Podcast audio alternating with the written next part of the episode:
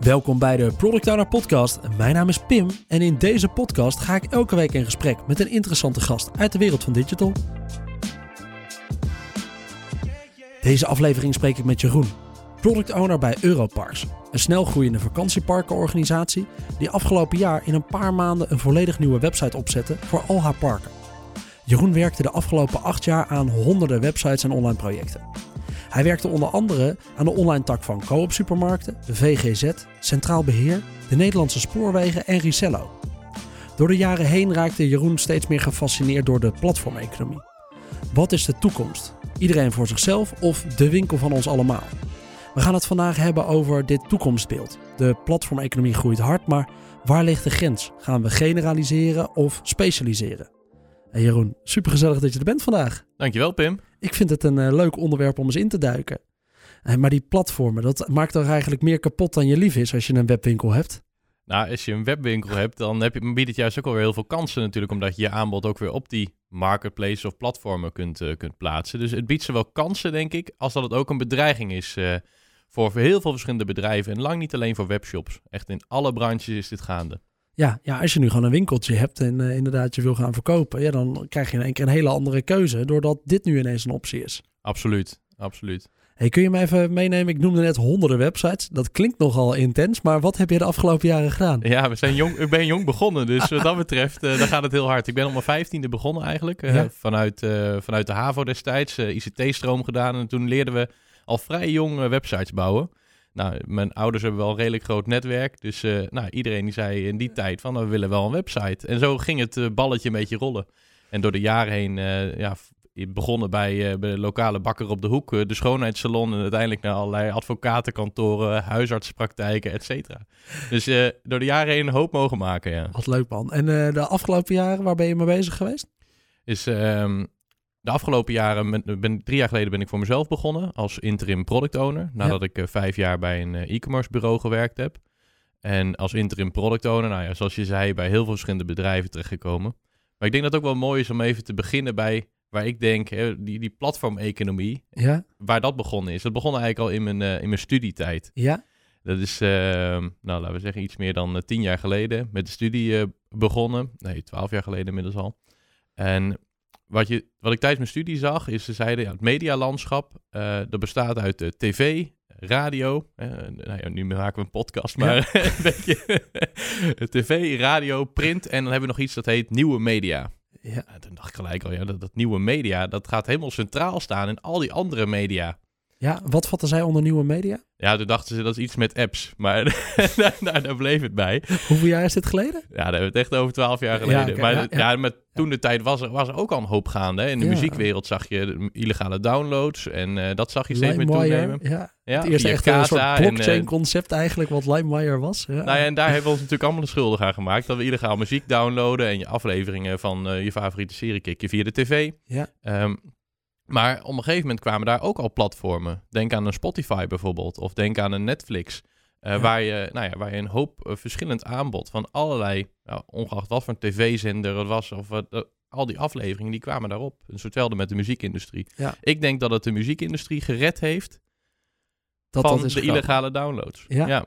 Ja, dat klopt wel. Ik weet nog wel die tijd dat je niet meer illegaal mocht gaan downloaden en dat dit een beetje opkwam, inderdaad. En, maar dat was tijdens je studietijd. Toen raakte je eigenlijk getriggerd door wat is nou nieuwe media en Ja. wat zijn die platformen dan? Ja, toen ben, eigenlijk, ben ik volop verder gegaan inderdaad op dat, op dat online eh, stuk, want dat interesseerde mij het meeste. Nou, toen ben ik bij die e-commerce eh, partij aan de slag gegaan en dat was natuurlijk ook in de, ja, in de stroomversnelling waarin e-commerce is gekomen, eh, is ook, zijn ook de marketplaces opgekomen. Denk aan een Amazon en een bol.com, et cetera. Dus ik was een lange tijd verantwoordelijk voor de bouw van allerlei webshops.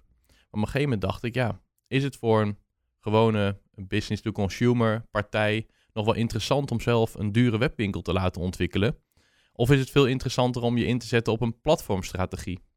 En dat zie je nu ook steeds meer gebeuren. Dat bedrijven zelf, ook al verkopen ze producten via een eigen webshop, dat ze ook ander aanbod op hun webshops aannemen. Dus niet alleen maar een bol die alleen maar, ja, ja die ook wel veelal komt vanuit aanbod van extern. Ja. Maar denk ook aan een partij zoals Obelink, die recentelijk dus een eh, kampeerwinkel, een vrije tijdswinkel.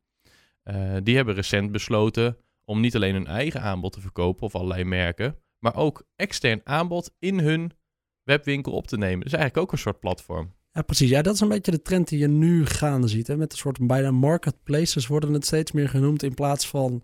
Uh, ja, eigenlijk is de marketplace is een beetje de commerciële naam voor de platformeconomie natuurlijk. Ja. Maar ja, en het ontstond een beetje bij welke grote partijen? Heb je daar een beeld van? Denk je dat dat is dat een beetje die muziekindustrie geweest?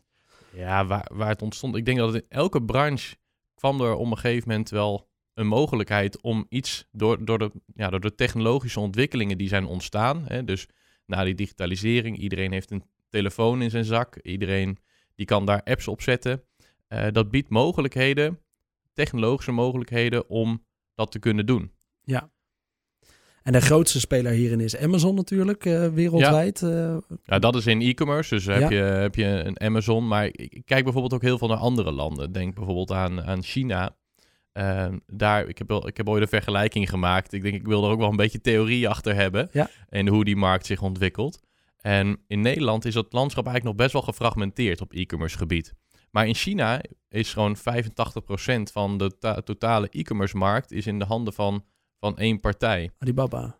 Nou ja, ja Alibaba dan. En je hebt die, uh, die app, hoe heet die ook alweer? Die is daar allemaal WeChat, wat, wat ze allemaal op de telefoon hebben. Dus dat, dus dat gaat, uh, dan heb je het over twee platformen die 85% van de markt daar in handen hebben. Terwijl het hier nog veel meer gefragmenteerd is. Ja. En dat, is, dat zijn natuurlijk twee gigantische platformen die over de hele linie heen, uh, ja, dus in een hele leven van een consument eigenlijk zitten daar in, uh, in China. Ja, dus dat behoudt zich, ja, inderdaad, goed om eventjes voor het begrip inderdaad te hebben. Die platformeconomie behoudt zich niet alleen maar tot marketplaces en, en e-commerce, maar bekent zich ook op het terrein inderdaad van uh, chatmodules, maar ook op muziek en op video. Ja, het is dus veel breder dan dat. Je ziet ja. eigenlijk in elke branche nu dat dit gaande is. Nou, ik zit nu in de, in de vakantieparkenwereld. Uh, ja. Nou, daar heb je natuurlijk een, een Booking.com bijvoorbeeld en een Airbnb. Dat zijn ook allemaal platformen. Um, maar je ziet tegelijkertijd ook, en dat komt eigenlijk door twee redenen, hè, die, uh, waarom die platformeconomie in mijn optiek ontstaan is. Dus aan de ene kant disruptie, het ontwrichten van bestaande businessmodellen door technologische ontwikkeling. Wat ik zei, hè, die telefoon in de zak. Uh, en aan de andere kant consolidatie. Hè, dus het bedrijven die elkaar overnemen, waardoor ze uiteindelijk steeds groter worden. Waardoor er, ja, dat is eigenlijk een grote reden. Je ziet met, met een bol die zo'n grote taartpunt innemen van een, van een totaal van zo'n markt. Ja, die behouden zich niet alleen maar tot boeken, pennen en, uh, nee, dat gaat steeds paraplu. verder. Dus ja. die consolideren dat allemaal bij elkaar. En dat zie je ook bij bedrijven die nemen elkaar over. Europarks groeit ook gigantisch door overnames. Dus we hebben nu inmiddels al, uh, nou voor mij, als ik even de teller op Ja. vandaag zet en als jullie de podcast luisteren, misschien alweer meer. Maar dan sta je inmiddels al op, op 50 vakantieparken. Ja, En daar, dat groeit dus door overnames. Dat is die consolidatie. precies. En zij, die vakantieparken, die huisjes, worden die dus alleen maar aangeboden op de website van Europarks? Of gebruiken jullie inderdaad ook die platformen daar? Ja, daar, de, dit is echt het mooiste Ja? voorbeeld in mijn optiek van hoe je omgaat met een platformstrategie. Je hebt, je hebt heel veel keuzes die je kunt maken. Ga je volledig zelf een eigen platform bouwen? Ja. Is dat een gesloten platform? Zet je daar alleen jouw eigen aanbod op? Of laat je daar ook, wordt het een open platform? Zet je daar ook ander aanbod op? Ja, Europarks heeft nu zelf een gesloten platform. Hè, dus waar zij alleen hun eigen aanbod eigenlijk op hebben staan. Dus binnen hun eigen bedrijf zit. Maar je speelt toch altijd al met de gedachte van wat zou er gebeuren als we nou ook andere vakantieparken nog kunnen ontsluiten binnen dit krachtige platform waar je al die data hebt van je klanten, eh, je customer journey volledig geoptimaliseerd hebt.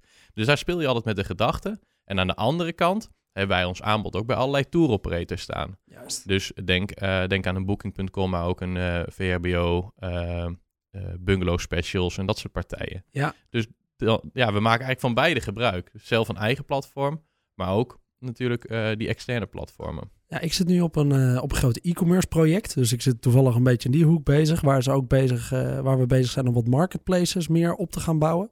En ik zelf ook meer eigenlijk in die, die, in die verdiepingsslag nu bezig ben. Over wat ga je nou eigenlijk doen. En nou, toevallig afgelopen week weer wat discussies over gehad. En inderdaad, je ziet dat steeds meer merken eigenlijk een soort strategie maken voor hun platformen. En bijvoorbeeld een Fatboy die zegt, nou we hebben een soort hardlopersassortiment.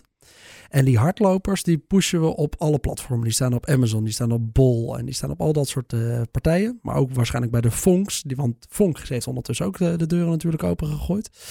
eh, voor andere merken. En we hebben een soort eigen aanbod met wat specialere dingen. Misschien wel lagere margeproducten of leuke aanbiedingen. Die doen we op onze eigen website. Ja. En ze proberen, we, proberen ze eigenlijk steeds vaker een soort combinatiestrategie op te zetten. Waarbij je aan de ene kant dus een hardlopersassortiment hebt wat je op alle plekken wil hebben. En aan de andere kant eh, bij jezelf wil houden. Ja, Dus- ja. een voorbeeld, een heel goed voorbeeld. Hè, dat, dat is, Fatboy is natuurlijk een brand. Ja. Dan sta je enorm voor de keuze met waar ga ik mijn aanbod neerzetten. Je hebt een bestaande keten Ja. van vroeger. Hè. Je hebt een, eh, een, eh, een, een merk, een distributeur en dan gaat het uiteindelijk komt het retailer. een retailer en dan... eh, winkeltje. Ja. Nou, en dan komt het bij de consument. Ehm, maar nu heb je als brand wellicht ook wel zelf meer de touwtjes in handen over waar wil ik mijn aanbod neerzetten. Heb je die groothandel in die winkel nog wel nodig als jij gewoon direct naar de consument kunt gaan via je eigen webwinkel, via die platformen. Ja. Nou, en zo spelen ze daar zelf natuurlijk ook enorm mee. En je moet als merk ook kijken van waar kan ik zelf mijn toegevoegde waarde nog leveren. Hè? Dus bijvoorbeeld wat je zegt, die onderhoudspakketjes of net wat meer beleving bieden. Kan een reden zijn om toch bij het brand zelf te kopen. Ja. En dat scheelt natuurlijk weer in je marge. Ja, precies. En ik denk dat je dus eh, voor in de categorie e-commerce heb je daar een soort eh, scheidingslijn in. Ja, als ik nu bedenk dat ik klittenband wil hebben of een eh, bepaalde oplader, ja, waar begint jouw zoekopdracht dan? Handigedingen.nl. Ja. nee, de action. Ja, oh, dan rij je naar de action toe. Ja, de- ik, ja. ik, ben, eh, ik ben zelf nogal wisselend, zeg maar. Ja, dat is misschien vreemd, Ja, hè? Terwijl mijn zoekopdracht begint dan echt bij bol.com. Ja, Ja. Nee, ook wel. eh, Uiteraard, kijk, jouw klittenband is natuurlijk wel echt iets heel... Ja, maar- een hoor. dat, ik weet dat dat maar zoiets is. bij mij blijft het beginnen bij, bij, bij Google. Maar je ziet wel ook steeds meer... en Google doet er natuurlijk alles aan om daar mensen een zoektocht te laten Beginnen. Maar je ziet ook wel steeds meer dat... eh, doordat die platformen zo groot worden... dat die zoektocht steeds vaker begint op het platform. Ja. Als jij denkt, ik heb iets nodig... en je denkt meteen aan, aan bol.com... Als ik een boek wil kopen, Ja. ja. dan ga ik echt eerst naar bol.com en niet eerst naar Google. Ja, dus he- ik was eh, op dat Immers, eh, Immers Live event eh, afgelopen week. Ondertussen als deze podcast uitkomt een paar weken geleden. En daar sprak ik met Happy Horizon, grote partij in zowel marketing als websitebouw. En die gaven de cijfers dat er wereldwijd nu 75% van de zoekopdrachten naar producten begint op marketplaces in plaats van op Google. Ja. Vond ik nogal een shocker en ik kon ook niet helemaal beseffen dat dat misschien ook wel in Nederland het geval is. Maar wereldwijd begint blijkbaar 75% nu van de zoekopdrachten als je een product wil hebben, Ja. begint niet meer op Google, maar begint op een marketplace. Ja, en dat is natuurlijk een hele interessante, interessante ontwikkeling. Want je wil enerzijds als bedrijf zijnde aanwezig zijn op zo'n platform. Dus je wil jouw aanbod daarop hebben staan. Dat mensen ook op die manier wel bekend raken met je merk of met je product. Nou ja, maar eigenlijk wil je ze wel weer ook naar je eigen brand toe hebben. En dat hebben wij nu, eh, nou, nu ik inmiddels een jaartje zo eh, dik in die vakantieparkenbusiness eh, zit en daarmee in ben gerold, begrijp ik ook heel goed waarom het interessant kan zijn om je aanbod zelf op je eigen platform ja, Echt goed te optimaliseren. En want, want met, die, met die partijen, als je dus bijvoorbeeld je aanbod op een booking.com of wat dan ook hebt staan, je krijgt veel minder klantdata. Ehm, je bent zelf niet eigenaar van de hele customer journey, hè, Ja. dus dat doet booking.com. Mensen raken niet echt bekend met jouw merk. En dat is wel een enorme uitdaging. Ja, de transactie is uiteindelijk een soort van minder waard. Al is het niet per se om het marge wat je erop maakt, maar ook om de klantdata die je dus mist. En de klantinformatie, inderdaad de branding die je weet te pushen naar zo'n klant toe. Ja, het is dubbelop. Het, en, het, is, zou, het is het allermooiste als je ook weer van, van die klant, als jij uiteindelijk een vakantiewoning geboekt hebt en dat is je bevallen, dat jij in de zomervakantie weer naar een ander park gaat en dat jaar erop weer naar een ander ja. park. Weet je, dan kun je je klanten in jouw loop houden. Dat is zoveel meer waard Ja. dan een eenmalige klant die je via booking.com eh, Ja. binnenhaalt. Nou, dat vraagt dan ergens om een strategie. Inderdaad, zoals bijvoorbeeld een Fatboy doet met inderdaad je hardlopers wel op al die marketplaces zetten. Maar je, ja. Ja. je specials, nou ja, ehm, die ene boomhut bij Europarks, die kun je alleen maar huren via onze website. Ja, daar zijn we ook wel eh, mee bezig natuurlijk. Dat wij de hardlopers, die de, waar we meer woningen van, de, van dezelfde type van hebben, die zetten we natuurlijk op dat soort websites neer. Ja. Hey, Ja. die platformeconomie, is het een fase? Het- ik denk dat het iets, eh, iets blijvends is. Die, hier kunnen we niet meer omheen.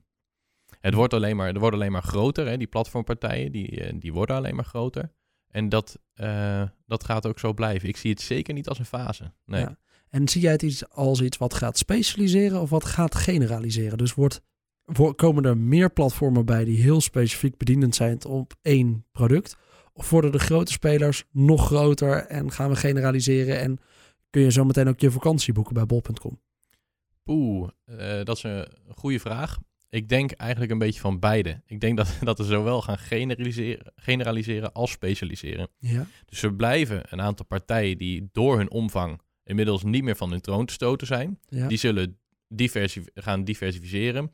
Maar denk ook aan een, aan een, een Apple bijvoorbeeld, die met die, met die App Store, et cetera, die gaan ook nog veel meer proberen, of een Google ja.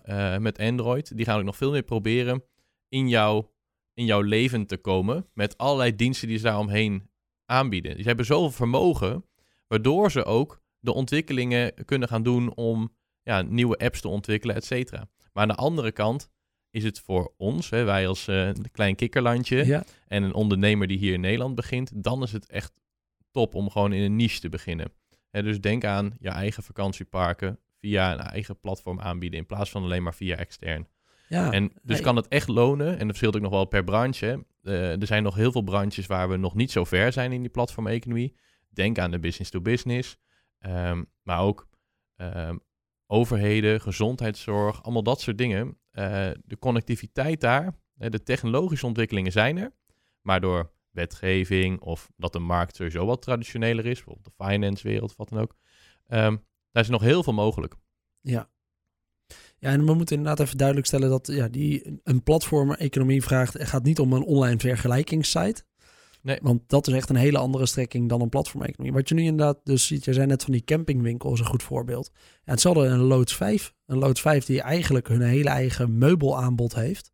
Maar nu zegt, nee, op onze website mag jij ook gewoon met jouw externe bedrijf Ja. je producten komen adverteren. Ja, dat is ook wel een aparte ontwikkeling natuurlijk, want zij, uh, Loods 5 verkoopt volgens mij grotendeels merken, hè, Ja. maar dan laten ze ook weer andere merken toe Ja. op, hun, op hun platform. Dat zorgt wel voor een hele interessante ontwikkeling. Ik vind het ook een interessante ontwikkeling. En dus ik ben wel benieuwd inderdaad wat, eh, wat de reden erachter is. Hoe ze het eigenlijk aan het opbouwen zijn. Maar je ziet er dus, ja, diezelfde met die campingspecialist. Ja, Ja. Waarom, eh, waarom zou die de producten waar die waarschijnlijk 60% marge kan maken op zijn tent. Waarom zou die iemand anders een tent laten aanbieden en maar 10% ervan doen? Ja, Ja. waarschijnlijk omdat hij het fulfillment niet hoeft te doen. De voorraad niet hoeft te houden.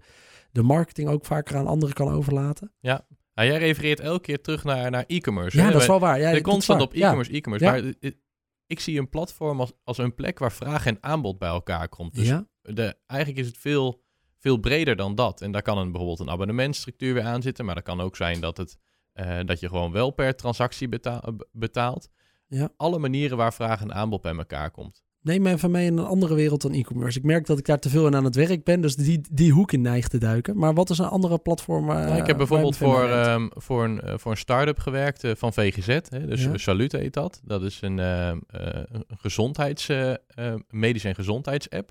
Zij willen het platform worden voor medische gezondheid. Of, of nou ja, moet ik het even goed zeggen. Zij, zij hebben als ambitie om Nederlanders in 2030 vijf jaar langer gezond te laten voelen. Of langer gezond te laten voelen. Ehm, en dat doen ze door allerlei, door, door inzichten te verzamelen en jou te adviseren, allerlei, eh, nou, jou in ieder geval een advies te geven, maar ook allerlei eh, apps daar weer aan te koppelen. En dat is eigenlijk een, een medisch platform. Dus dan gaat het niet eens om echt een, een transactie, maar het gebruik van bepaalde apps of diensten die je weer in die app ontsluit. Dat kan met allerlei API's, eh, kun je dat natuurlijk binnen zo'n app doen. Ja, ja, het wordt nog steeds een soort heel commercieel platform waarbij het bijna nog steeds is. Ja, het is nog steeds half e-commerce omdat je ergens een app gaat pushen op een gegeven moment. En de reden dat die app gepusht is, is toch waarschijnlijk echt omdat die. Maar het is niet heel plat dozen schuiven. dat is de, de Nee, e-commerce vind ik ja. plat dozen schuiven. Juist. Nee, dat is, dat is waar. Nee, het is niet een doos van een magazijn naar de consument toe. Nee. Het gaat om andere producten die worden eh, aanbevolen. Ja, en ik zit even te, te zoeken inderdaad. Wat, wat zijn nog meer van die eh, platformen waar, eh, waar het zelf- gebeurt? Ik zit zelf ook even te graven hoor. Ja. Ehm, nou, denk aan bijvoorbeeld een, een Tikkie. Ja. Tikkie is natuurlijk een platform waarmee je een, eh, een transactie heel eenvoudig maakt. Denk aan, ja, dit is meer een gesloten platform. Eh, maar denk bijvoorbeeld aan eh, van die autosharing eh apps. Ja. Dus daar ga je je auto, eh, je auto delen aan andere mensen en die kunnen daar ehm Ja, maar dan, hun auto precies. Dan is Snapcar is dan de mar- Snapcar, ja, ja. Dat is dan de, de marketplace, terwijl je inderdaad bij uh, Bogrent je bus bij, uh, bij één bedrijf uh, Ja, huurt. en dan vind ik Snapcar is dan, in, of Snapcar is dan ook een goed voorbeeld van een, van een platform. Ja, nee, dat is inderdaad. Dus heel, maar dat is heel wat anders dan een doos schuiven door een magazijn heen, wat e-commerce is. Ja. en maar zo, maar zo, zo, eh, denk ik dat heel veel ondernemers daar nog helemaal niet bij stilstaan. Eh, er zijn al Hoe heel veel die, gebeurt. ja, die, die- dat wat in hun eigen branche gebeurt. Dus ik wil iedereen eigenlijk uitdagen om gewoon volop om zich heen te blijven kijken. Deze ontwikkelingen gaan zo ontzettend hard. Ik, ik had eh, een paar jaar geleden ook niet verwacht dat al onze straten vol zouden staan met Go-scooters of met eh, Felix-scooters. Ja, En in één keer staan ze daar overal. Dus ook weer een vorm van hoe kunnen we iemand met een, met een app, met, met, met disruptie, hè, dus technologische ontwikkeling, een bestaand businessmodel ontwrichten. Ja. Hè, dus een Uber bijvoorbeeld ook. Hè. Eh, dat, dat speelt natuurlijk al wat langer, maar binnen, binnen elke branche is dit gaande. Hey, en waar bewegen we dan op dit moment naartoe? Waar bewegen we naartoe? Dat is een hele, dat is een hele goede vraag, Pim. Je weet ze goed te stellen. De, waar bewegen we naartoe? Ik denk dat het, de connectiviteit en de technologische mogelijkheden zijn er om zoveel dingen met elkaar te verbinden, dat we niet anders kunnen, dat we eigenlijk nooit meer om een platform heen kunnen. Ja? Oké. En da- daar denk ik dat het doen. naartoe gaat. Dus eh, de- als, als je als bedrijf nog niet bezig bent met een platformstrategie, dan vraag ik mij af, ja, heb je dan nog wel bestaansrecht in het digitale landschap?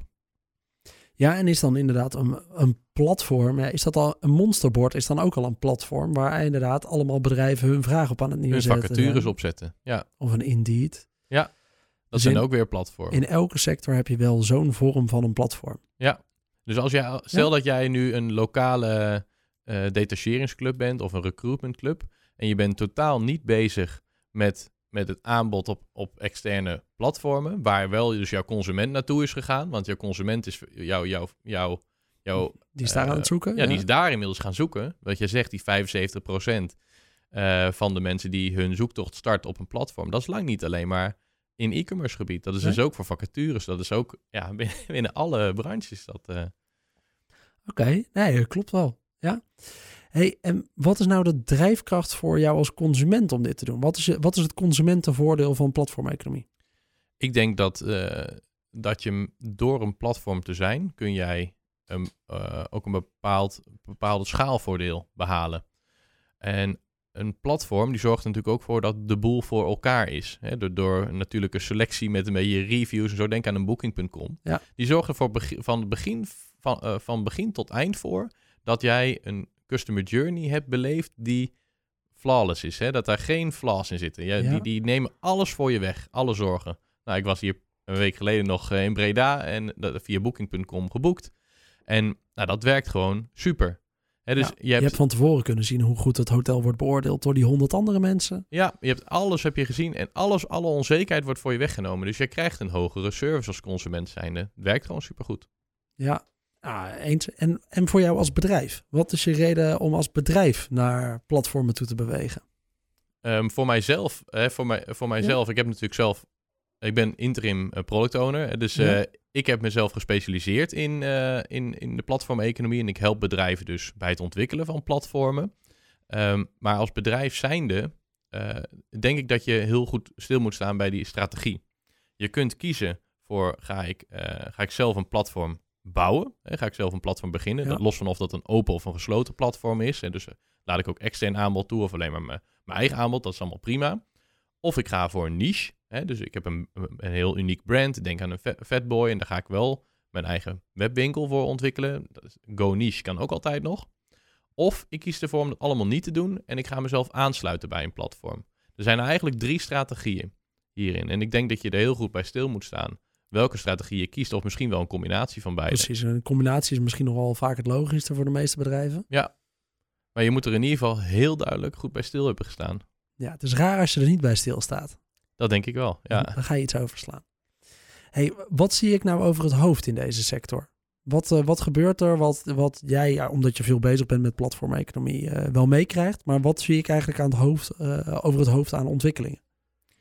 Ik denk met name dat veel mensen de, de technologische mogelijkheden onderschatten en veel te veel in bestaande, eh, bestaande wegen blijven denken. Nou, ik ga een webwinkel ontwikkelen, maar die kijken niet naar hoe kan ik slim andere data gebruiken om die webwinkel nog slimmer te maken.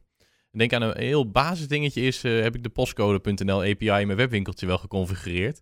Ehm, maar je, je kunt ook veel breder dan dat kijken. Kan ik bijvoorbeeld met, eh, met API's, en als je kijkt naar iemand die een platform bouwt, er zit vaak heel veel verschillende technologie onder. Eh, onze nou ja, onze eh, platform van Europarks, daar zit bijvoorbeeld eh, Elastic als search engine onder. Wat weer een, een, een technologisch stukje is waarmee je zoekmachine binnen je eigen platform kunt ontwikkelen.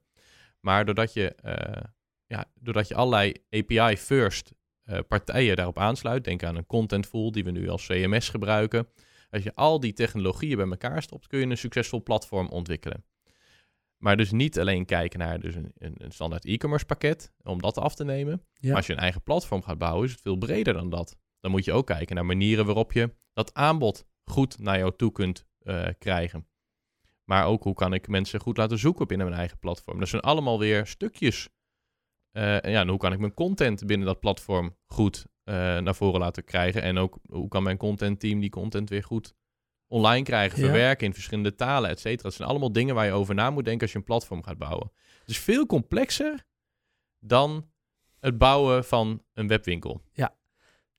Cool. Oké, heb jij, is Europarks nu voorbereid die website op dat er nog een keertje extern aanbod op zou kunnen komen? Het zou kunnen. Nee, nee, heb, je dat technisch, heb, heb je technologisch zo ingericht dat het inderdaad een mogelijkheid is? Het, ja. het, het, zou, het zou zeker kunnen, ja. En dat, dat maakt het wel interessant. Ik, ik vraag me af of het gaat gebeuren. Hè, want eh, Absoluut. Europark groeit zo snel. We, zijn, uh, we, ja, we hebben een volledig eigen organisatie. Wij, uh, ook qua marketing en zo is het er nu op ingericht dat wij onze eigen parken marketen met ons eigen brand. Dus ja. dat, daar zullen we denk ik niet heel snel van afwijken. Wat, wat we wel doen is enorm groeien. Dus nu zijn we bijvoorbeeld bezig met zes parken in Oostenrijk toevoegen. Uh, twee parken in Duitsland, uh, een park in Luxemburg. Er komen nog twee parken in België aan. Er zijn nog in andere landen in Europa ook nog bezig. Dus dat gaat maar door en dat gaat maar door. En dat is die, die consolidatie die je dus bij heel veel bedrijven ziet. Precies. Je bent niet meer op zoek naar uh, 48 losse vakantieparken waar je even een plekje wilde boeken. Je hebt nu één grote speler en die koopt ze allemaal op en daar kun jij boeken. Ja, ja, dus dan ga je uiteindelijk daar gewoon lekker je vakantie doen. Zowel in de winter als in de zomer. Of je nou in Nederland wil blijven of naar het buitenland. dat kan dan. Ja, ik ben een goede verkoper met dat. Jongens, pas op. Ik heb een marketeer laten aanschuiven blijkbaar. Was ook niet het idee, nee. nee, maar dit zie je bij heel veel bedrijven. Ja, nee, maar het gaat maar meer inderdaad om dat technische stukje. Hoe is die overweging van tevoren gemaakt en hoe, uh, hoe wil je dat oppakken? Ik denk dat met name heel veel brands in de komende tijd uh, goed moeten gaan nadenken over dit stukje maar ook, uh, ook mensen die in die tussenschakels zitten die ik noemde, die groothandels of die importeurs. Je ziet ook dat uh, auto-importeurs aan het kijken zijn naar wat is mijn positie nou eigenlijk ten opzichte van dat merk. Ga ik nog wel via die importeur die, uh, die auto naar binnen halen of via die dealer of bestel ik die rechtstreeks online bij BMW of bij Toyota? Of ja, whatever. Ja, ja, ik heb een tijdje in de horlogebranche gezeten. En ik weet dat daar dus inderdaad, die is van oudsher inderdaad in Zwitserland zat de hoofdvestiging van het uh, bedrijf. Bijvoorbeeld Breitling. En die hadden in elk land eigenlijk een lokale importeur slash distributeur. Die het daar weer vanuit verkocht aan de juweliers in het land. Ja. Breitling koopt op het moment al die distributeurs, nemen ze over. Ja. Om zelf dus in elk land ook de schakel te zijn. En niet meer afhankelijk te zijn van die tussenspeler. Ja. Waarom zouden ze ook niet? Ondertussen zijn we zo goed met elkaar geconnect. Het is niet uh, eh, 1920 meer, waarbij er inderdaad een, een pakketje versturen naar Nederland toe met, uh, met een paar horloges is een uitdaging. Nee, uh, of ze nu vanuit, direct vanuit Zwitserland zelf dat pakketje willen sturen naar een consument ergens hier in Breda.